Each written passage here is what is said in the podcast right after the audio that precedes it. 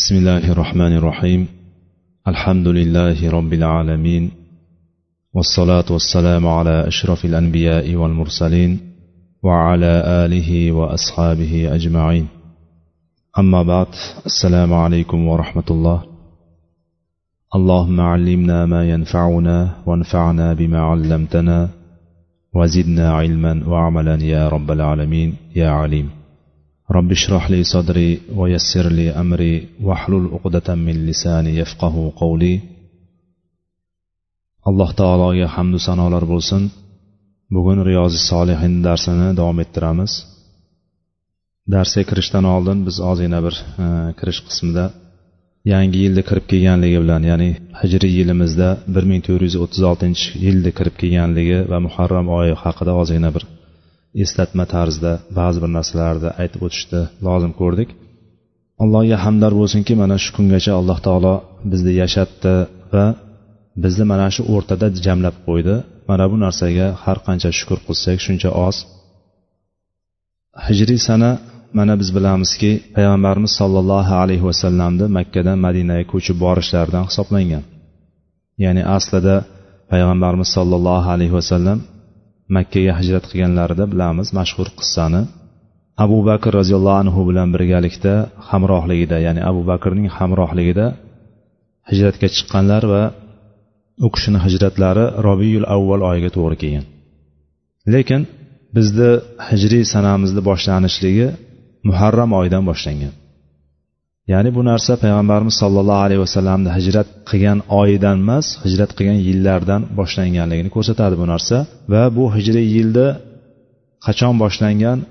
Hijriy yil olti yuz o'ttiz sakkizinchi yilda ya'ni milodiy hisobda olti yuz o'ttiz sakkizinchi yilda amirul mo'minin umar roziyallohu anhuning davrida bo'lgan bu narsa. Ya'ni umar roziyallohu anhuning tashabbusi bilan mana shu narsa ya'ni hijriy taqvim yo'lga qo'yilgan. O'sha davrgacha ya'ni umumiy arablarni o'zini hisobi bo'lgan yoki o'sha yerda rum fors imperiyasini o'zlarini hisoblari bo'lgan. Masalan rum imperiyasiniki rim imperiyasiniki hozirgi kundagi milodiy hisobda bo'lishgan. Va sahobalardan musulmonlarni o'ziga xos bo'lgan ma'lum bir taqvimda bo'lishligini talab qilishgan paytda ya'ni shunaqa muhokamaga tashlangan paytda oxiri borib taqaladigan narsa maslahatlarni natijasi mana shu hijratdan boshlanishligini o'sha hijrat payg'ambarimiz sollallohu alayhi vasallamni hijrat qilgan yilidan boshlanishlikka qaror beriladi va bu narsa milodiy olti yuz yigirma ikkinchi yilda o'n oltinchi iyulga to'g'ri keladi. Ya'ni birinchi muharram oyi. Birinchi oyda ya'ni hozirgi mana muharram oyini allohu alam bugun uchinchisida o'tiribmiz. Ya'ni uchinchisi bugun. Shu bir ming to'rt yuz o'ttiz olti yil o'tdi mana shu kundan beri. Ya'ni umar roziyallohu anhu bu narsani mana shu taqvimni yo'lga qo'yganlari payg'ambarimizni hijrat qilgan kunlaridan emas hijrat qilgan yillardan boshlandi. Bu narsa olti yuz yigirma ikkinchi yilda o'n oltinchi iyulga to'g'ri keldi va mana shundan beri bir ming to'rt yuz o'ttiz olti yil o'tibdi. Ya'ni biz musulmonlar o'zimizni taqvimimizga e'tibor berishligimiz va o'sha narsani yaxshi bilishligimiz kerak. Zero har kim o'zini shiorlarini yaxshi bilishadi. Lekin bizda keyinchalik xossatan bizni o'rta osiyo millatlarida o'rta osiyo xalqlarini ichida e, ruslashishlik yoki boshqa bir sabablarga ko'ra yoki biroz o'rta osiyodan sal uzoqroqqa chiqadigan bo'lsak masalan e, ozarbayjon bo'lsin yoki undan keyingisi turkiya bo'lsin yoki o'sha taraflarni oladigan bo'lsak bu taraflarni bir tarafi eski sssrni ya'ni sovet ittifoqini ta'siri bo'lgan bo'lsa boshqa tarafdan ikkinchi tarafdan yevropani ta'siri natijasida ko'pchilik hijriy taqvimni unutib ham qo'yishdi hattoki. Mana shu jihatdan biz o'zimizni vaqti vaqti bilan shu hijriy taqvimni eslab turishligimiz kerakki chunki har bir narsamiz ya'ni har bir amalimiz mana shu hijriy oylarga qarab turib hijriy oyimizni kunlarimizga qarab turib qurilgan o'zi. Dinimizni asosi shunga asoslab qurilgan. Haftalardaku farq qilmaydi lekin kunlarda farq qiladi. Kunlarda farq qilishligi masalan ramazonni ro'zasini tutishligimiz oyga bog'liq ramazon kirishligi.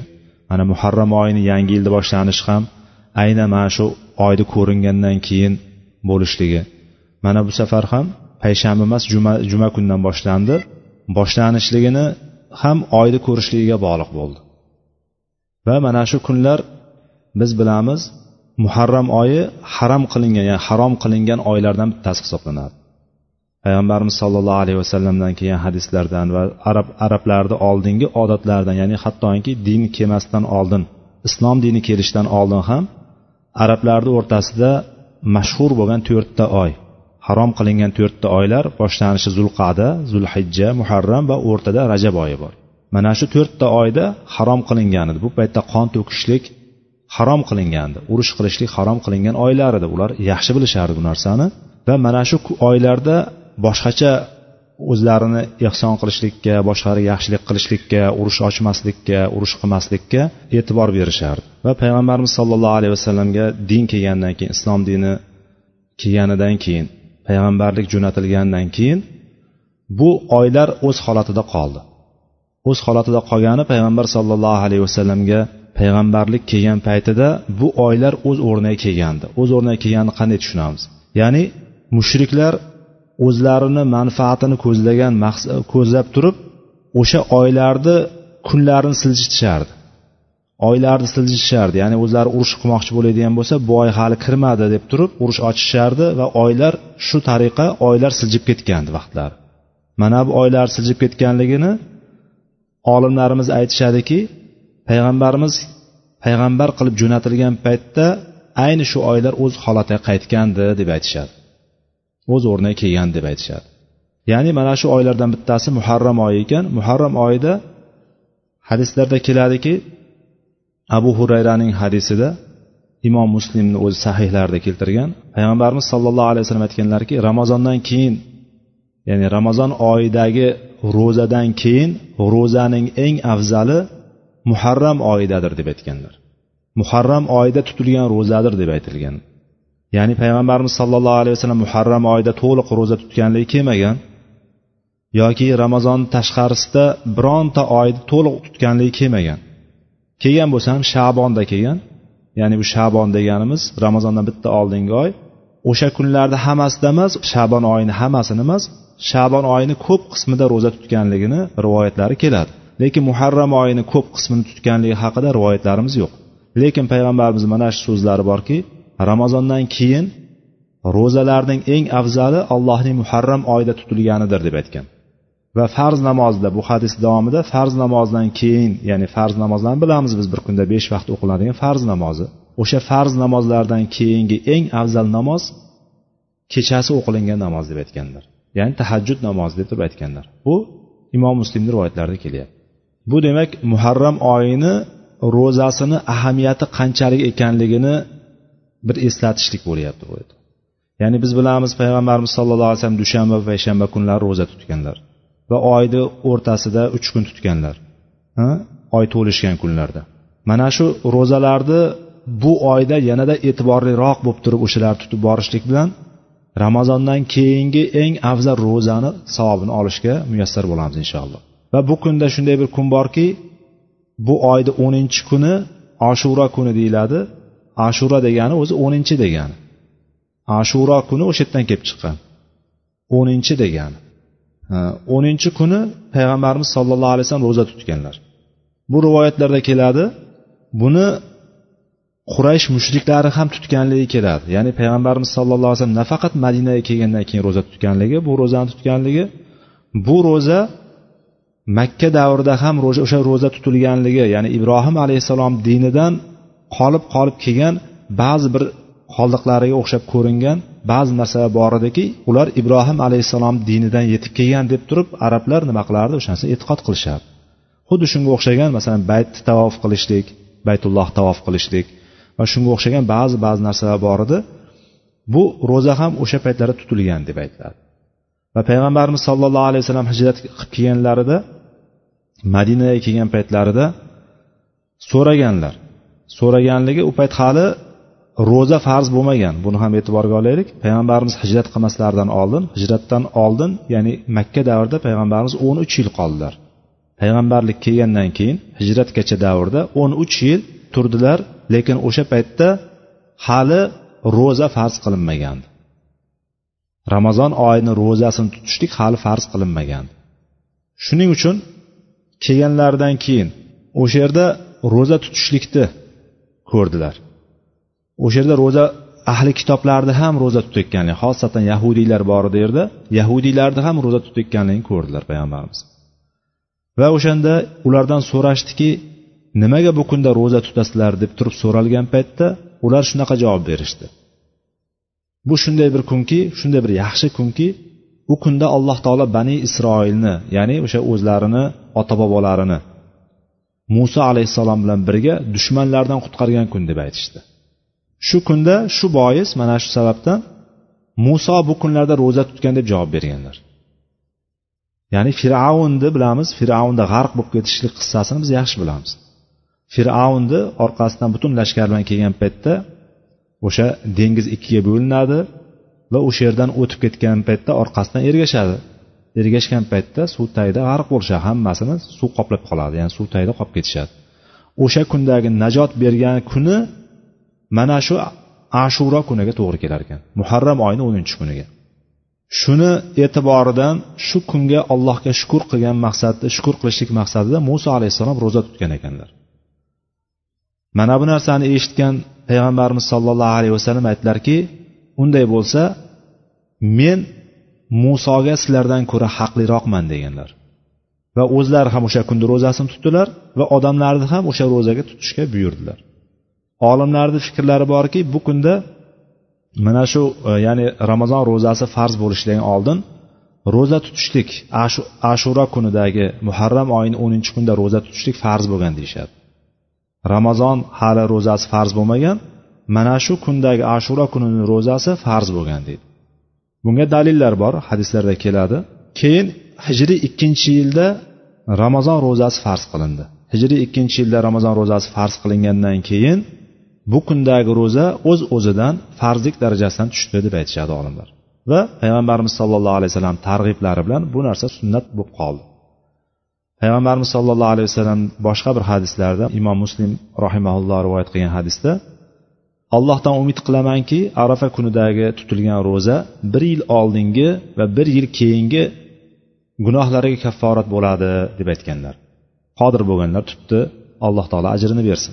Va davomida aytdilarki hadisda ashura kunining ro'zasi esa umid qilamanki bir yil oldingi gunohlariga kafforat bo'lajak dedilar. Mana shu ashura kuni mana shu oyimizda bo'ladigan inshaalloh adashmasam uchinchi noyabr kuniga to'g'ri keladigan uchinchi noyabr dushanba kuniga to'g'ri keladigan mana shu oyni ro'zasini payg'ambarimiz sollallohu alayhi vasallam bir yillik gunohlari kafforat bo'lishligini ya'ni o'tgan yilgi gunohlari kafforat bo'lishligini marhamat qilganlar. Mana bu kunni ro'zasini biz e'tibor berib turib mana bu kundagi ibodatni ya'ni ro'za ibodatini qilib turib mana shu bir yillik gunohlari kafforat bo'ladigan savobni hammamizga alloh taolo nasib qilsin. Va buni bitta tarafi ikkinchi tarafi payg'ambarimiz sollallohu alayhi vasallam umrlarini oxirlari kelib qolgan paytlarida yahudiylarga va nasroniylarga ahli kitoblarga xilof qilishlikni hamma amalda xilof qilishlikka buyurib kelganlar sahobalarni va shu jumladan mana shu ashuro kunida ham xilof qilishlikni aytganlar. Ya'ni xilof qilishlikni buyurmaganlar lekin o'shani o'zlari e, hayotlarida tadbiq qilmoqchi bo'lganligini o'sha narsani xohlaganligini va o'sha kunga yetmaganligini boisidan olimlarimiz aytishadiki bir kun oldini ya'ni to'qqizinchi kunini yoki unga bir kun keyinini o'ninchi kun qo'shib tutishligi kerak deb turib tavsiya qilishadi. Ibn abbosdan keladi roziyallohu anhudan rivoyat qilinganda payg'ambarimiz sallallohu alayhi vasallam ashura kunni tutdilarda boshqalarni ham shu kunga buyurdilar. Keyin u kishiga aytildiki yo rasululloh bu kunda yahudiylar va nasroniylar ulug'laydiku bu kunni ular ham mana shu kunda ulug'lab turib shu kunda ro'za tutishadi. Nima qilamiz biz degan paytda payg'ambarimiz aytdilarki kelasi yil keladigan bo'lsa inshaalloh to'qqizini ham qo'shib tutamiz deganlar. Ya'ni sababi nima bo'lyapti? Yahudiy va nasroniylarga xilof qilishlik bo'lyapti. O'shalarga teskari ish qilishlik bo'lyapti. O'shalarga o'xshab qolmaslik bo'lyapti. Va payg'ambarimiz aytyaptilarki kelasi yil kelsa inshaalloh to'qqizini ham qo'shib tutamiz deganlar. Lekin allohni taqdiri ekan payg'ambarimiz sollallohu alayhi vasallam kelgusi yilgacha nima? Yetib bormadilar. O'sha kelgusi yil muharram oyigacha yetib bormadilar. Bu narsa imom muslimni rivoyatlarida kelgan. Mana shunga ko'ra faqih olimlarimiz aytishadiki tutayotgan paytda uch xil tarzda tutsa bo'ladi deydi. Mana shu ashuro kunini uch xil tarzda tutsa bo'ladi deydi. Birinchi tarzi faqatgina o'ninchi kunni o'zini tutib qo'yishlik deydi. Bu joiz bo'ladimi? Joiz bo'ladi deydi. Chunki bundan ochiq qaytariq kelmagan deydi ba'zilar. Ikkinchi ko'rinishi to'qqizi bilan o'nini qo'shib tutadi deydi. To'qqizi bilan o'nini mashhuri mana shu. Bu qovuldagi mashhur qovul mashhur fikr ko'pchilik olgan fikr mana shu bo'ladi. To'qqiz bilan o'nini tutishlikni tavsiya qilganlar. Payg'ambarimiz sollallohu alayhi vasallam tutamiz deb turib aytganligi mana bu narsa sunnatga aylanganligi mana shu deb aytishadi. Uchinchi ko'rinishi bo'ladigan bo'lsa bir kun keyinini ya'ni o'n bilan o'n birinchi kunni tutishlik deydi. Ba'zi olimlar hammasini jamlab turib aytishadiki uch kun tutish kerak deydi. To'qqiz o'n o'n bir deydi. Buni bitta yana bitta ahamiyati borki deydi ashura kuni hech qanday anavi bilan chiqib ketib qolmaydi deydi. Ya'ni bir kun keyin boshlangan ashura kuni bo'ladigan bo'lsa masalan hisobda yanglish bo'lib turib bir kun keyinga o'tib qoladigan bo'lsa ham uchinchi kuniga ilinib qoladi deydi. Shunda bir kun oldin ham bir kun ya'ni ashuro kunini ham tutgan bo'ladi deydi. Yoki hisobda adashib turib bir kun bu yoqqa o'tib qoladigan bo'lsa biz o'ylagan to'qqiz deganimiz o'nga to'g'ri kelib qoladi va orqasidan bir kun tutgan bo'ladi o'n bir bo'ladi deb turib ya'ni ehtiyotan uch kun deb turib aytishgan. Ya'ni inson bu holatda o'zi uchun qaysi biri ma'qul bo'ladigan bo'lsa qaysi biri unga oson bo'ladigan bo'lsa mana shu narsani qiladi alloh taolo hammamizni muvaffaq qilsin va mana bu kunlardagi ibodatlarimizni qabul qilsin va mana shu kunni ro'zasini tutishlikni hammamizga nasib qilsin. Ho'p biz endi riyoz solihin kitobimizdan yetmish oltinchi hadisga kelib to'xtagan ekanmiz. O'tgan safar bir uzun hadis bilan tanishib chiqqandik. Uzun hadisimiz e, ko'proq e'tiborimizni jalb qilgan joyi hisob kitobsiz jannatga kiruvchi yetmish ming kishini yetmish ming nafar kishini sifatlari bilan tanishgandik bu bobimiz qaysi bob edi yaqin va tavakkul bobi edi o'sha haqida kelgan hadislar bilan tanishgandik bu bobimizni ikkinchi hadisi an ibn abbas roziyallohu anhu aydon أن رسول الله صلى الله عليه وسلم كان يقول اللهم لك أسلمت وبك آمنت وعليك توكلت وإليك أنبت وبك خاصمت اللهم أعوذ بعزتك لا إله إلا أنت أن تدلني أنت الحي الذي لا يموت والجن والإنس يموتون متفق عليه حديث متفق عليه حديث deyildi bu lafz imom muslimning lafzlari ibn abbos roziyallohu anhu habrul umma bu ummatning olimi bo'lgan yosh sahobalarimizdan biri ibn abbos roziyallohu anhu bizga yana undan oldingi hadisni ham kim qilgan ekan? Ibn abbos roziyallohu anhu rivoyat qilgan ekan. Shuning uchun bu yerda hadisimizni boshida imom navaviy ayzon deb keltiryapti. Aydon degani yana shuningdek bu hadisni ham ibn abbos rivoyat qilyapti. Rasululloh sollallohu alayhi vasallam shunday der edilar. Ya'ni der edilar deganda o'zbek tilida ham aytyapmiz. Arab tilida ham der edilar deydigan bo'lsa kana yaqul bo'ladigan bo'lsa u narsani bir marta emas o'sha narsani doimiy suratda aytib yurganligi ko'p aytib yurganligini taqozo qiladi o'sha narsaga dalolat qiladi. Payg'ambarimiz sollallohu alayhi vasallam mana shu duoni ko'p aytib yurar ekanlar doimiy aytib yurar ekanlar. Bu duo yodlab olishlikni tavsiya qilamiz hammamiz yodlab turib mana shu narsani aytib yurishligimiz o'rinlarida aytib yurishligimizni bizda katta manfaati bor va ma'nolarini tushunadigan bo'lsak yanada nima bo'ladi? Bu narsani e, ya'ni bilgan holatda o'sha aytayotgan narsamiz nima ekanligini bilib turib yodlab oladigan bo'lsak bu narsa inshaalloh bizni savobimizni yuksak qilib beradigan narsalardan bittasi ekan. Bu yerda payg'ambarimiz sollallohu alayhi vasallam aytdilarki allohumma laka aslamtu. Allohim senga bo'ysundim. Ya'ni senga bu yerda islom zikr qilinyapti. Islom degani o'zi bo'ysunishlik degani. Senga musulmon bo'ldim senga bo'ysundim degani bu. Laka aslamtu degani. Allohim senga bo'ysundim. Va bika amantu va senga iymon keltirdim.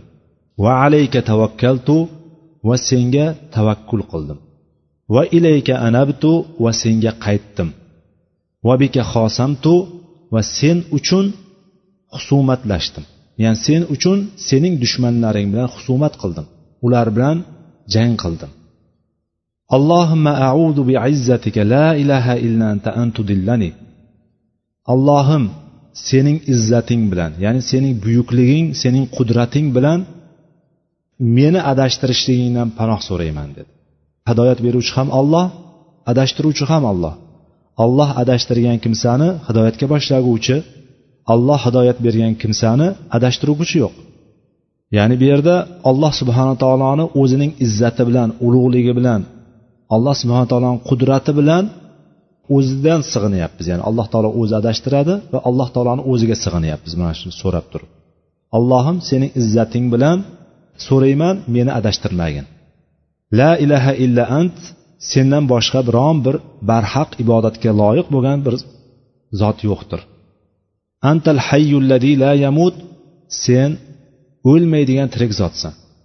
Jinlar insonlar bo'ladigan bo'lsa val jin val insu yamutun ularni hammasi nima? Foniy bo'luvchi hammasi o'luvchidir yo'q bo'luvchidir. Bu hadisimizda imom navaviy mana shu bobga keltirdi. Hali bu yana boshqa boblarda ham takror keladi. Imom navaviy mana shu hadisni yaqin va tavakkul bobiga qo'ydi. Demak amalni boshlanishligi islomdan boshlanadi. Islomdan boshlanib turib undan keyin iymon ya'ni bundan ko'rinyaptiki islomdagi dindagi martabalarni go'yoki kelyapti. Kishi bir kishi musulmon bo'ldim degani bilan qalbi hali iymon keltirmagan bo'lishligi mumkin. Qalbigacha yetib bormagan bo'lishligi mumkin. Mana bu yerda shu tartib borki laka aslamtu va bika amantu bor. Ya'ni ketma ketligi bor. Inson musulmon bo'lgandan keyin qalbi alloh taologa to'liq bo'ysungandan keyin mo'min bo'ladi. Mo'min bo'lgandan keyin qalb tuzalgandan keyin qalb solih bo'lgandan keyin undan keyin alloh taologagina suyanadigan bo'ladi. Va ketma ketlikda hadisimizdagi duodagi ketma ketlikda ham undan keyin kelyapti va alayka tavakkaltu kelyapti. Va sengagina tavakkul qilaman. Sengagina suyana sengagina suyanaman deyapti. Ya'ni suyanchimiz faqatgina alloh taologa bo'lishlik kerak. O'zimizni topshirib qo'yishligimiz faqat allohgagina bo'lishligi kerak. Ketma ketlikni ko'ryapmiz islom iymon ana undan keyin tavakkul kelyapti. Va alloh subhana taologa undan keyingisi va ilayka anabtu va butun qalbimni ko'nglimni sen tarafga qaytardim yani sen tarafga burdim degan va sening dushmanlaring bilan husumatlashdi mana shu narsalarni hammasini jamlagandan keyin duoga o'tyapti. Ana endi duo qismiga keldi. Birinchi alloh taologa e'tirofda bo'linyapti. E'tirof qilyapmiz. O'zimizni holatimizni o'zimizni ichki dunyomizni alloh taolo bizdan yaxshi biluvchi lekin biz o'zimizdagi narsani e'tirof qilgandan keyin so'rayapmiz. Allohimma audu bi izzatika la ilaha illa anta antudillani deyapti payg'ambarimiz sallallohu alayhi vasallam. Ya'ni payg'ambar sollallohu alayhi vasallam bu hadisni bu zikrda ko'p aytganligi u kishini payg'ambar ekanligi oldingiyu keyingi gunohlari mag'firat qilingan zot ekanligi va gunoh sodir bo'lmaydigan qilib turib alloh taolo shunaqa qilib turib qo'yganligi u kishini o'zi shunday boshqarib qo'yganligini kichik xatolardan tashqari gunoh qilmaydigan kishi qilib qo'yganligini payg'ambarimiz bilardilar. Lekin bilishiga qaramasdan bu duoni aytdilar o'sha narsada bardavom bo'lishligini so'rashlik bor. Bir tarafdan bo'lsa ikkinchi tarafdan biz ummatiga dars bo'lishlik uchun bu narsani o'rgatganlar. Biz ummati uchun mana shu duolarni aytishlik mana shu duolarda bo'lishlik dars bo'lishlik uchun. Payg'ambarimiz ollohni izzati bilan so'radiki ollohni ulug'vorligi ollohni qudrati bilan so'radi ollohni izzati bilan so'radiki meni adashtirmagin deb turib so'radi. Meni adashtirishligingdan panoh so'rayman. Sening izzating bilan meni adashtirishligingdan panoh so'rayman dedilar. Payg'ambarimiz sollallohu alayhi vasallam kalimalarni jamlovchi ya'ni qisqa kalimalar bilan qisqa so'zlar bilan keng keng ma'nolarni ifoda etadigan ilm berilgandi u kishiga.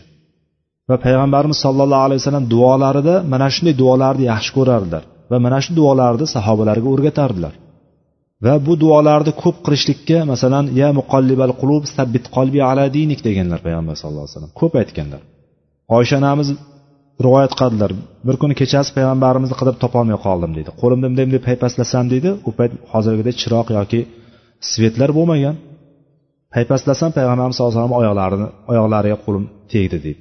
O'sha payt payg'ambarimiz sollallohu alayhi vasallam tasavvur qilinglar hujra shunday kichkina bir hujra ya'ni ikki kishilik hujra. Hozirgi bitta xona deb tasavvur qilaylik. Bu tarafi masjid. Eshik ochiladigan taraf masjid tarafga ham ochiladigan eshigi bo'lgan. Payg'ambarimiz sollallohu alayhi vasallamni oyoqlari uyda turibdi. Sajdada turgan holatni tasavvur qiling. Oyoq turibdi tizza tizzadan oyoqqacha ya'ni tizzadan oyoqni uchigacha bo'lgan qismi uyda turibdi qolgan qismi masjidda turibdi. Mana shunday holatda sajdada turgandilar payg'ambarimiz dedilar va aytardilarki ya muqallibal qulub sabbit qalbi ala dinik. Ey qalblarni o'zgartiruvchi zot qalbimni diningda mustahkam qil diningda sobit qadam qil deb turib aytib turardi deb turib oysha onamiz rivoyat qiladilar payg'ambarimiz sollallohu alayhi vasallam tinimsiz so'raganlar mana shunaqa duoni. Ya'ni allohni makridan alloh subhana taoloni adashtirib qo'yishligi mumkinligidan hech ham xotirjam bo'lmaganlar payg'ambarimiz sollallohu alayhi vasallamdek zot. Biz u kishidan o'rnak olishligimiz kerak. O'rnak olishligimiz biz qilib turgan amalimiz yoki shuncha paytdan beri yoshligimizdan beri namoz o'qib yurganligimiz qilib turgan solih amallarimizga biz aldanib qolmasligimiz kerak. Biz xotirjam bo'lib qolmasligimiz kerak. Payg'ambarki oldingi va oxirgi gunohlari kechirilgan butun insoniyatni sayyidi ekanligini bilib turgan qiyomatda eng katta shafoat beriladigan zot ekanligini o'zini kimligini bilib turgan zot mana shunday qilganlar. Bu narsa nimani ko'rsatadi? Bu narsa biz hech qachon xotirjam bo'lmasdan doimiy alloh subhana taolodan hidoyat so'rab yurishligimizga va qalblarimiz alloh taoloni ikki barmog'ini o'rtasida turib xohlasa zalolat tarafga xohlasa hidoyat tarafga o'zgartirib qo'yishligi mumkin ekanligini doimiy his qilib turishligimiz kerak. Mana shu his bilan mana shu bilan yashashligimiz kerak biz. Ana o'shanda biz yo'limizdan adashmasdan o'zimiz bilan ajablanib qolmasdan hayratlanib qolmasdan qilayotgan ishimiz bilan o'shanga suyanib qolmasdan ketamiz o'shanda. Payg'ambarimiz sollallohu alayhi vasallam aytardilarki ey ey qalblarni o'zgartiruvchi zot meni qalbimni diningda sobit qilib qo'ygin deb turib aytardilar mana shuni bir ko'rinish mana shu duoda hozir bo'lib turibdi. Mana shu duoda ko'rinyapti. Payg'ambarimiz islomni iqror qildilar. Iymonni iqror qildilar. Senga islom senga musulmon bo'ldim senga bo'ysundim senga iymon keltirdim sengagina tavakkul qildim sengagina inobat qildim ya'ni sengagina qaytdim degandan keyin ollohdan nima so'rayapti? Allohdan adashtirib qo'ymasligini so'rayapti. Bu oli imronda surasida keladigan oyatni ham ko'rinishi. Robbana la tuzigh qulubana ba'da id hadaytana va hab lana min ladunka rahma innaka antal vahhab oyati. Ey robbimiz bizga hidoyat bergandan keyin robbana la tuzigh qulubana ba'da id hadaytana va hab lana ya'ni bizga shu iymon ne'matini berganingdan keyin bizni hidoyatingga yo'llab qo'yganingdan keyin bizni adashtirmagin. Bizni to'g'ri yo'ldan og'dirmagin deb turib oyatda kelyapti. Mo'minlarni duosi mana shu bo'ladi. Alloh taolo bizni dinda sobit qadam qilsin. Xullas bu yerda kelayotgan narsa tavakkulni iymondan keyin kelayotgani ya'ni insonni qalbi to'liq mustahkam alloh taologa iymoni bo'ladi. Ana undan keyin xotirjam hamma ishini hamma holatini alloh taologa tavakkul qilib turib suyana oladigan holatga keladi. Allohgagina tavakkul qilishlikka alloh taolo oyatlarda ko'p targ'ib qilgan ko'p joyda buyurgan. Va tavakkul qanday zotga qilinadi? Tavakkul qanday zotga qilinadi? Mana hadisda aytyaptiki la ilaha illa ant. Sendan boshqa barhaq iloh yo'q ya'ni ibodat qilinishlikka loyiq bo'lgan sig'inishga loyiq bo'lgan boshqa iloh yo'q bo'lgan olloh deb aytyapti birinchi sifat mana. O'shanday zotga nima qilamiz biz? Tavakkul qilyapmiz. Undan keyin antal hayyulladi la yamut. Sen o'lmaydigan tirik zotsan. O'lmaydigan tirik zotgagina tavakkul qilinadi. Sabablarga yoki boyagi aytgan sabablar deganimizda kasbkorimizga mol mulkimizga odamlarimizga yoki mansabimizga biz nima qilmaymiz? Suyanib qolmaymiz biz. Suyanishligimiz haqiqiy sifat egasi bo'lgan o'lmaydigan zot bo'lgan doimiy tirik bo'lgan. Hattoki la sinatu va la nawm. Mudroq ham olmaydigan uyqu ham tutmaydigan ya'ni uxlamaydigan mudroq ham tutmaydigan zotgagina tavakkul qilamiz biz. Va orqasidan aytyaptiki payg'ambarimiz sallallohu alayhi vasallam val jin val insul yamutun. Insonlaru jinlar hammasi o'lib ketadi. Biz suyangan kazo kazolar bo'lsin mansabdor shaxslar bo'lsin nima bo'ladi? Ertaga baribir mansabidan tushadi boshida.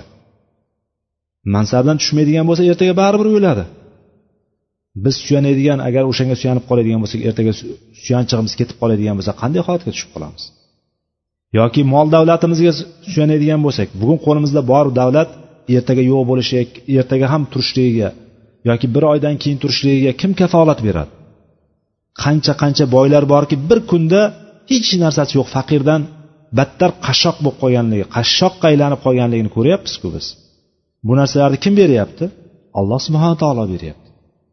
Demak beruvchi haqiqiy mulk egasi olloh bo'lsa haqiqiy foyda yetkazuvchi foydaga molik bo'lgan zot olloh bo'lsa zarar beruvchi zot ya'ni zararni haqiqiy moligi alloh taolo bo'ladigan bo'lsa biz kimga suyanishligimiz kerak ekan?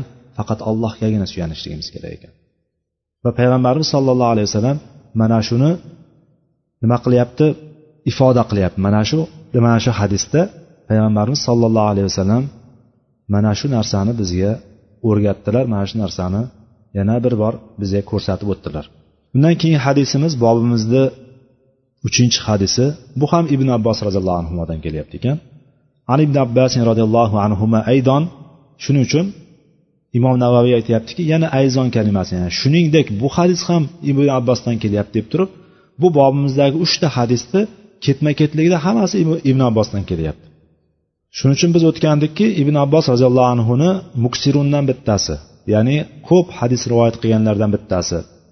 Va hadis olimlarini ichida abodila deb nomlangan to'rt abdullohni bittasi bo'lgan abdulloh ibn abbos roziyallohu anhu haqida gapiryapmiz. Bu kishi yana nima qildi? Mana shu hadisni rivoyat qilib berdilar.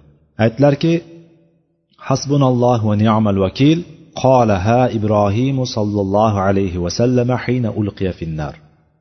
Ya'ni hasbunalloh va ni'mal vakil. Ma'nosi biz olloh bizga ollohni o'zi yetarli. Ollohni o'zi bizga kifoya qiladi va u eng yaxshi vakildir degan duo. Hasbunalloh va ni'mal vakil. Birlikda aytiladigan bo'lsa hasbiyalloh va ni'mal vakil bo'ladi. Hasbunadagi na ko'plikka ishora biz deganni bildirsa o'sha yerga yo qo'yib qo'yiladigan bo'lsa hasbiya bo'ladigan bo'lsa men bo'ladi. Hasbiyalloh va ni'mal vakil bo'lsa menga ollohni o'zi yetarli degani bo'ladi. Hasbunalloh va ni'mal vakil bo'lsa bizga ollohni o'zi yetarli bo'ladi. Bu narsani mana shu so'zni hasbunalloh va ni'mal vakilni ibrohim sollallohu alayhi vasallam o'tga uloqtirilayotgan paytda aytgan ekanlar.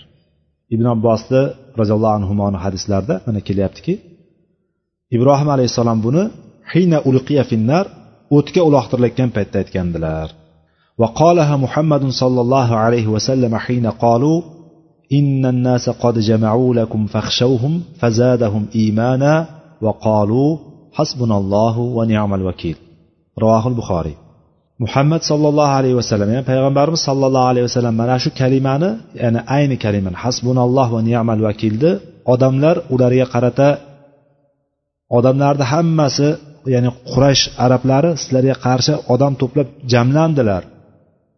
Sizlarni yo'qotib tashlashga jamlandilar ulardan qo'rqinglar degan paytda ularni iymonlari ziyoda bo'lib ketdida aytishdiki hasbunalloh va ni'mal vakil deyishdi dedi. Ya'ni bu narsani birinchisini birinchi safar ibrohim alayhissalom aytgan ekanlar undan keyin payg'ambarimiz sallallohu alayhi vasallam aytgan ekanlar buxoriy rivoyatida. Va boshqa bir rivoyatda yana bu ham ibn abbos roziyallohu anhudan kelyapti. Bu rivoyatni boshqa boshqa lafzida aytdilarki kana axiru qavli ibrohim sollallohu alayhi vasallama hina ulqiya finnar hasbiyallohu va ni'mal vakil. Aytdilarki ibrohim alayhissalomni o'tga uloqtirilayotgan paytdagi oxirgi so'zlari eng oxirgi so'zlari hasbiyallohu va ni'mal vakil bo'lgandi dedi. Bu yerda mana birlik lafzi bilan keldi. Allohni o'zi menga yetarli va u eng yaxshi vakildir degan eng ishonchli eng yaxshi vakildir degan kalimani birlik lafzida keldi. Hasbiyalloh deb keldi. Mana shu hadisni ustida biroz to'xtaymiz. Bu hadis demak ibrohim alayhissalomni holati. Ibrohim alayhissalom payg'ambarlarni ichida alloh taolo eng ko'p sinovlarni bergan va sinovlardan muvaffaqiyatli o'tgan va odamlarga sizni imom qilaman degan kishi mana shu ibrohim alayhissalom bo'ladi. Alloh subhana taolo u kishini ibrohim alayhissalomni o'ziga yaqin do'st qilib olgan. Yaqin do'st qilib olganligi boyagi yaxshi ko'rgan kishisini yaxshi ko'rishlik deymiz. Yaxshi ko'rishlikni eng cho'qqisi halillik bo'ladi. Yaxshi ko'rishlikni eng yuqori cho'qqisi halillik bo'ladi. Mahbub emas halillik bo'ladi. Muhabbatni ham eng oliy cho'qqisi halillik bo'lar ekan. Alloh taolo ibrohim alayhissalomni o'ziga halil qilib oldi. Eng qaynoq eng yaqin do'st qilib oldi. Banda bandani halil qilib ololmaydi ya'ni inson insonni o'ziga halil qilib do'st tutib ololmaydi. Bu narsa faqat alloh subhana taolo bilan alloh subhana taolo bandasini shunaqa do'st qilib olishligi mumkin lekin banda bandasini mana shunaqa darajadagi do'st qilib ololmaydi halil qilib ololmaydi. Bunga payg'ambarimiz sollallohu alayhi vasallamdan kelgan hadisda shu payg'ambarimiz sollallohu alayhi vasallam agar halil qilib tutishlik mumkin bo'lganda edi abu bakrni halil qilib olgan bo'lardim degan ma'nodagi gaplari bor. Ya'ni halillik faqat allohga xos bo'lganligi uchun alloh bilan do'stlashishlikni eng oliy muhabbatni eng yuqori cho'qqisi bo'lganligi uchun alloh bilangina bo'ladi agar bandasi bilan bo'lganda edi men abu bakrni o'zimga halil qilib olgan bo'lardim deganlar payg'ambar sallallohu alayhi vasallam. Va payg'ambarlarni ichida nafaqat payg'ambarlarni butun insoniyatni ichida butun insoniyatni ichida odam alayhissalomdan to qiyomatgacha keladigan insonlarni ichida alloh subhana taolo ibrohim alayhissalomni halil tutdi o'ziga va payg'ambarimiz sollallohu alayhi vasallamni halil tutdilar. Ibrohim alayhissalomni o'ziga halil qilib olganligini oyatdan bilamizki vattahadallohu ibrohima xolila alloh taolo aytdiki niso surasini bir yuz yigirma beshinchi oyatida alloh taolo ibrohimni o'ziga halil qilib oldi dedi. Va payg'ambarimiz sollallohu alayhi vasallamdan keyin hadisda imom muslimning sahihlarida kelyapti. Imom muslim rahimaullohni sahih to'plamlarida kelyapti. Payg'ambarimiz sallallohu alayhi vasallam aytganlarki innalloha qodittaxodani xolilan kamattaxoda ibrohima xolilan deganlar. Ya'ni alloh taolo meni xuddi ibrohimni qanday halil qilib olgan bo'lsa meni ham xuddi shunday halil qilib oldi deganlar. Ya'ni shundan bilamizki biz nima? Payg'ambarlarni ichida boshqa bironta halil deb nomlangan kishi bo'lmagan. Bittasi ibrohim alayhissalom bo'ladigan bo'lsa ikkinchisi payg'ambarimiz sollallohu alayhi vasallam ekanlar. Ibrohim alayhissalomni bilamiz u kishini tavhid borasida zikr qilingan paytda tavhiddan misol keltirilgan paytda ibrohim alayhissalom qayerda bo'lsa ibrohim alayhissalom zikr qilingan. Shuning uchun e, hanifiya dini deb aytilgan paytda ibrohim alayhissalom tilga olinadi. Hanifiya degani ollohni dinida xolis bo'lib turib biron narsani sherik keltirmagan holatda turgan din millati ibrohim hisoblanadi o'sha. Ibrohim alayhissalom qavmi bilan bilamiz qavmini mushrik bo'lganligini mushrik bo'lganda ham butparast bo'lganligini biz bilamiz. Otasini ismlarida biroz e, manbalarimizda ixtiloflar bor lekin ko'proq shu e, oyatlar bilan kelganligida ozar bo'lganligini bilamiz. Otasini ismi ozar buttarosh bo'ladi. Ya'ni but yasaydigan o'zlarini xudosini yasab beradigan bundoq aytadigan bo'lsangiz o'zini xudosini yasashlik desa odam hozir biroz e, g'alati bo'ladi. Lekin bundan battarroqlari bundanda pastroqlari bo'lib yotibdi hozirgi kunimizda. Bunday olib qaraydigan bo'lsangiz masalan musulmonman deb turib bo'yniga tumor osib yurganlar va tumori qolib ketadigan bo'lsa butun ishim orqada qolib ketadi. Endi nima qilaman? Deydiganlar bularni holati bundan kam emas ya'ni. O'sha hozirgi but yasab olib turib o'shanga ibodat qilayotganlarda hech kam joyi yo'q. U ham shirk bo'ladi. Kichkina shirk bo'ladigan bo'lsa agar u shunchaki osib olib turib sabab bo'ladi boshqa bo'ladi deb osib yotsa kichik shirk bo'lsa butun e'tiqod bilan shu meni saqlaydi shu meni himoya qiladi shu meni ko'zdan saqlaydi shu meni oshig'imni olchi qiladi shu meni ishimni yurishtiradi deydigan bo'lsa shirk akbar bo'ladi. Zarar ham foyda ham bermaydigan narsa ichiga nima yozilganini ham bilmaydi. Ya'ni shunaqa qiladigan domlalar ham bor ya'ni imomvachchalar ham bor. Mana shunaqa ishlarni qilib yurgan mullavachchalar. Imomvachcha emas mullavachchalar. Mullavachchalar bor borib o'sha narsani yozib berib turib ichiga nima yozayotganini nimani yozganini noma'lum ochib qaraydigan bo'lsa e, bir birlarni yozib qo'ygan. E, ana boring eng taqvolisi deydigani oyat yozib qo'ygan taqdirda ham oyatni yozib qo'yib turib bo'yniga osib yurishlikda ulamolarni ixtilofi bor. Ibn masud roziyallohu anhu qattiq turganlardan bittasi o'sha ham shirk bo'ladi deb aytgan. Agar e'tiqod jihatdan o'shanga suyanib qolsa e'tiqod bo'ladi. Biz nima? Hozir qaysi bobni o'rganyapmiz? Tavakkul bobini o'rganyapmiz. Xuddi shunday ibrohim alayhissalomni ham nimasi ekan qavmi but e, butga sig'inuvchilar bo'lganligi bilan birga otasi o'sha butlarni yasab beruvchi ekan. Va u kishiga payg'ambarlik kelgan paytda birinchi otasiga kelib turib da'vat qiladi. Otasini da'vat qilganda otasi qabul qilmaydi da'vatni qabul qilmaslik u yoqda tursin. Agar to'xtamaydigan bo'lsang seni e, toshbo'ron qilib tashlayman hozir. Boplab adabingni beraman. Menga qaytib og'iz ochma deydi. Shu bilan otasini qaysarligidan otasini inot bilan qattiq turib olganligidan keyin ibrohim alayhissalom hali men senga alloh subhana taolodan istig'for so'rayman deydi. Qachonki uni istig'fori ya'ni o'shani qat'iy mushrik bo'lgan holatda qolishligi ma'lum bo'lgandan keyin ibrohim alayhissalom o'sha istig'fordan ham nima qildi? Yuz o'girdi deydi oyatda keladi ya'ni xullas e, qavmi qavmini mavsumlari bo'ladi qavmni marosimlari bo'ladi butlarga atalgan marosimlari bo'ladi. Ibrohim alayhissalom shundan qolishligi kerak. Ibrohim alayhissalom yosh yigit payt hamma qavmi ketayotgan paytda oyatlarimizda keladi hadislarimizda keladi. Aytadiki men bormayman deydi va bahona qiladi. Yulduzlarga qarab turib ularni fol ochadigan holatlari bo'lardi. U kishi ham yulduzlarga qaraganday bo'ldida men kasalman dedi. Meni tashlanglarda ketaveringlar o'zlaring dedi. Ular bo'pti deb uni tashlab ketishgan paytda butxonasiga bordida ibrohim alayhissalom butxonasiga bordida qo'liga bolta olib turib hammasini bir chekkadan parchalab chiqdi. Bir chekkadan chopib chiqdi. Hammasini maydalab tashlagandan keyin eng kattasini qoldirdida borib turib bo'yniga o'shani osib qo'ydi. Yoniga qo'yib qo'ydi yoki o'sha boltani qo'yib qo'ydida qaytib ketdi. Keyin qavmi keldida kelib turib tepa sochlari tikka bo'lib ketdi boyagi. Qavmni hammasini ko'rib turib xudolarini sindirib tashlangan holatda ko'rgandan keyin e, qora pashsha kelib turib boshiga qo'yinib turib narsa qilsa e, o'tirib ketsa o'sha narsani haydolmaydigan o'sha butlarini ko'rib turib nima qildi? Ular hayratlari hayratlanib taruzlari qo'ltig'idan tushib butunlay noumidlanib qanday bunaqa bo'ldi ekan deb turib dovdirab qolishdi. Birozdan keyin esiga tushdiki ibrohim alayhissalom hali ko'rasizlar mendan deganini eshitdida ha to'xtanglar bir ibrohim degan bola bor ediku dedi. O'sha bo'lsa kerak deb turib olib kelishdi.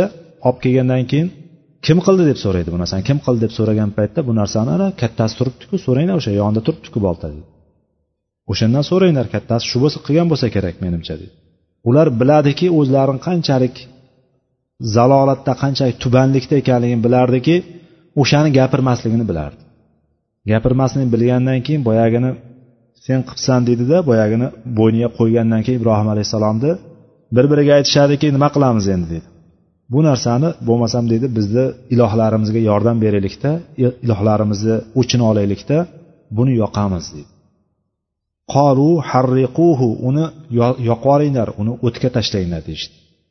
Xullas hammasi xalq buyurdi bitta katta maydonga o'tin yig'ishdi. Butun o'tinni yig'ishib turib o'tin to'plangandan keyin olovni yoqib turib katta gulxan bo'ldi deydi. Katta gulxan bo'ldi olimlar aytishadiki o'sha gulxan shunaqa katta yonganidan shunaqa katta olov bo'lganligidan odamlar yaqiniga ham borolmadi ya'ni uni olib borib tashlashli kerak ediku ibrohim alayhissalom. Yaqiniga ham borolmagandan keyin uzoqdan turib palaxmon toshini otadigan joyga o'tirg'izib ya'ni manjaniq deymiz tosh otadigan qurol asbobi o'shanga o'tirg'izib turib ibrohim alayhissalomni o'shanga otdi. O'shanga otgan paytda ibrohim alayhissalomni so'zlari mana shu bo'ldi. Ibrohim alayhissalom so'zlari hasbunalloh va ni'mal vakil boshqa rivoyatdan kelishida hasbiyalloh va ni'mal vakil bo'ldi. Ya'ni bu narsa qachon aytildi? Rivoyatlarda keladiki jabroil alayhissalom kelib turib shu yo'lda uchayotgan jarayonda qaysidir sekundlar yoki o'sha yerda e, boyagi manjaniqqa o'tirg'izib jo'natayotgan paytda aytgan paytda ey ibrohim nima deysiz? degan paytda senga bo'lsa meni ehtiyojim yo'q. Allohga bo'ladigan bo'lsa allohga ehtiyojim bor. Hasbiyalloh va ni'mal vakil deganlar. Allohni o'zi menga yetarli alloh menga kifoya qiladi deb turib mana shuni aytganlar. Mana shunda alloh subhana taologa tavakkulini qanchalik darajada suyanishligini alloh subhana taologa bo'lgan yaqin iymonini nima qildik? Biz ibrohim alayhissalomni misolida ko'rdik. Ibrohim alayhissalomni iymoni shu qadar ediki yonida yordam berishlikka qodir bo'lgan bittasi turgandi. Ha meni mana shu yerdan qutqar desa jabroil alayhissalom qutqarish qutqarishligi mumkin edi. Qutqara olardi. Quvvati bor edi o'sha narsaga. Va u o'z o'zidan kelmagandi. Ollohni izni bilan kelgandi. Allohni ruxsati bilan kelgandi. Farishtalar bilamizki o'z o'zlaridan bilgan ishini qilmaydi. Ollohni buyurgan ishini bekami ko'st qiladigan kishilar. Hech qanday xilof qilmasdan hech qanday bo'yin tovlamasdan aytganini aytgandek qiladigan zotlar u farishtalar hisoblanadi. Ya'ni jabroil alayhissalomni kelishi ham o'z o'zidan kelmagan. Bunday qarab turib ibrohim ibrohimda yerda o'tga otyapti ekan deb turib o'zicha tushib kelmagan. Olloh jo'natgan uni. Ya'ni ollohni izni bilan kelgan u jabroil alayhissalom. Jibrilga aytdiki senga bo'lsa meni ehtiyojim yo'q deydigan qalb ibrohim alayhissalomda bor edi. Tavakkuli iymoni shu darajada edi u zotni aytdiki hasbiyalloh va ni'mal vakil dedi va alloh taolo nima qildi unga. Alloh taolo yordam berdi. Alloh taolo aytdiki qulna ya naru kuni bardav va salaman ala ibrohim dedi. Ey o't dedi. Ey olov sen ibrohimga sovuq va salomatlik bo'lgin dedi. Sovuq va salomatlik bo'ldi bo'lsin dedi. Ya'ni bu narsa alloh subhana taologa suyanishlikni mukofotini ko'ryapsizlarmi? Alloh subhana taolo haqiqiy tavakkul qila olgan ollohdan qalbidan iymonni mustahkam qilgan holatda allohga haqiqiy suyana olgan odamga ollohni o'zi kifoya qilib qo'yaveradi kim olloh subhana taologa tavakkul qiladigan bo'lsa olloh subhana taologa suyanadigan bo'lsa ollohni o'zi unga kifoya qilib qo'yaveradi. Ollohni o'zi unga yetarli bo'ladi. Mushkulini yengil qiladi. Musibatini ketqizadi. Va ibrohim alayhissalomga nima dedi? Olovga qarab turib ey olov ibrohimga nisbatan sovuq bo'lgin va salomatlik bo'lgin dedi. Bu qur'onni balog'ati va o'sha yerda kelayotgan ya'ni o'sha jarayonni bizga to'liq bayon qilib beryaptiki agar alloh subhana taolo o'tga faqatgina sovuq bo'lgin deganda edi sovuq ham zarar berishligi mumkin edi. Inson sovuqdan ham issiqdan qanday zarar ko'rsa sovuqdan ham shunday zarar ko'radimi? Ko'radi. Issiq urishi borligini biz bilamiz oftob uribdi deymiz. Lekin sovuq urishini ham bilamizku sovuq ham uradi sovuq urishligini issiq urishligidan kam joyi yo'q. Zarari insonga bir xil tegadi. Balki ba'zan sovuq urishligi issiq urishlikdan ko'ra ham yomonroq bo'ladi. Quloqlarni aytib berishadi sovuq diyorlarda o'sha sovuq joylarda askarlik yopgan o'sha boyagi armiyaga borib turib sovuq joylarda qirq ellik gradus bo'ladigan sovuq joylarda turib postda turgan paytda qimirlamay tursang o'sha yerda muzlab o'lib qolganlar bo'lardi deb aytardi. O'sha sal bir joying ochiq qoladigan bo'lsa yurib yurib turgan yurib turmasdan doimiy sal bir joyda turib qoladigan bo'lsang o'sha paytlarda ko'pchilik quloqlari sovuqdan uzilib tushganlar bo'lardi deydi sovuqdan quloq uzilib tushadi taktubi bilan. Ya'ni bu degani sovuq ham nima bo'ladi zarar beradi demoqchiman unga misol keltiryapman. Ya'ni alloh subhana taolo dediki faqatgina sovuq bo'lgin demadi. Davomida salomatlik ham bo'lgin dedi. Ya'ni ofiyat bo'lgin dedi. Insonga salomatlik bo'lishi bilan olov ham sovuq bo'lyapti ham ibrohimga zarar bermayapti. Mana shu bilan ibrohim alayhissalom nima qildi? Mana shu bittagina aytgan gapi bilan bunday olib qoladigan bo'lsa aytgan duosi bilan shuncha narsaga erishdi deyishligimiz mumkin. Lekin bu narsa qalbidagi e'tiqodidan qalbidagi iymonidan kelib chiqyapti bu narsa. Qalbidagi iymoni agar mustahkam bo'lmasdan turib qalbida shuni tilni uchida aytib qo'ygan hasbiyalloh va ni'mal vakil deyishlik bilan allohni yordami keladimi? Yo'q kelmaydi. Bizni tilimiz bilan qalbimizdagi narsa ayni bo'ladi ayni joyga keladi alloh taolo o'shanda bizga nima qiladi? Haqiqiy suyanadigan bo'lsak alloh subhana taologa alloh subhana taoloni yordami o'shanda keladi. Va ibrohim alayhissalomga alloh subhana taolo mana shunday nima qildi? O'zini yetarli ekanligini kifoya qiluvchi eng yaxshi vakil ekanligini ibrohim alayhissalomga o'sha o'rinda ko'rsatdi. Zero har bir narsa alloh subhana taoloni qo'lida. Alloh subhana taolo bo'l desa o'shani zahoti bo'ladi. Unga biron bir sabablar biron bir kishilarni yordami boshqa boshqa narsalar bo'lishligi ya'ni biz aqlimiz yetib turgan narsanigina biz sabab deyishligimiz noto'g'ri narsa aslida. Bu to'g'ri. Olov kuydirishligi olov yondirishligi yer yuzidagi alloh subhana taoloni qonuni.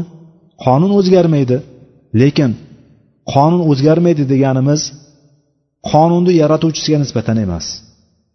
Qonunni yozgan kishi qonunni xohlagandek qilib o'zgartirishlikka haqli zot qodir zot. Xohlagan paytda olov kuydirmaydigan sovuq ya'ni bunday olib qarang issiq bo'lsa olov sovuq va nima bo'ladi salomatlik bo'lishligi mumkin ekan olloh xohlaydigan bo'lsa.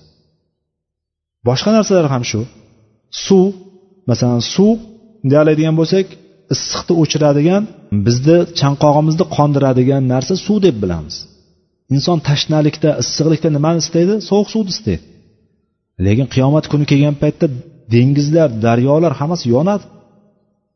Suv yonganligini masalan hozir ba'zi bir moddalar qo'shib turib ximik e, reaksiyalar qilib turib yondirishlik mumkindir lekin odatda suv yonmaydi. Yuz gradusda qaynaydi issiq berishlik kerak lekin oddiy turgan suv yonadimi? Yo'q yonmaydi. Lekin olloh xohlaydi vaqti kelganda suvlar ham yonadi.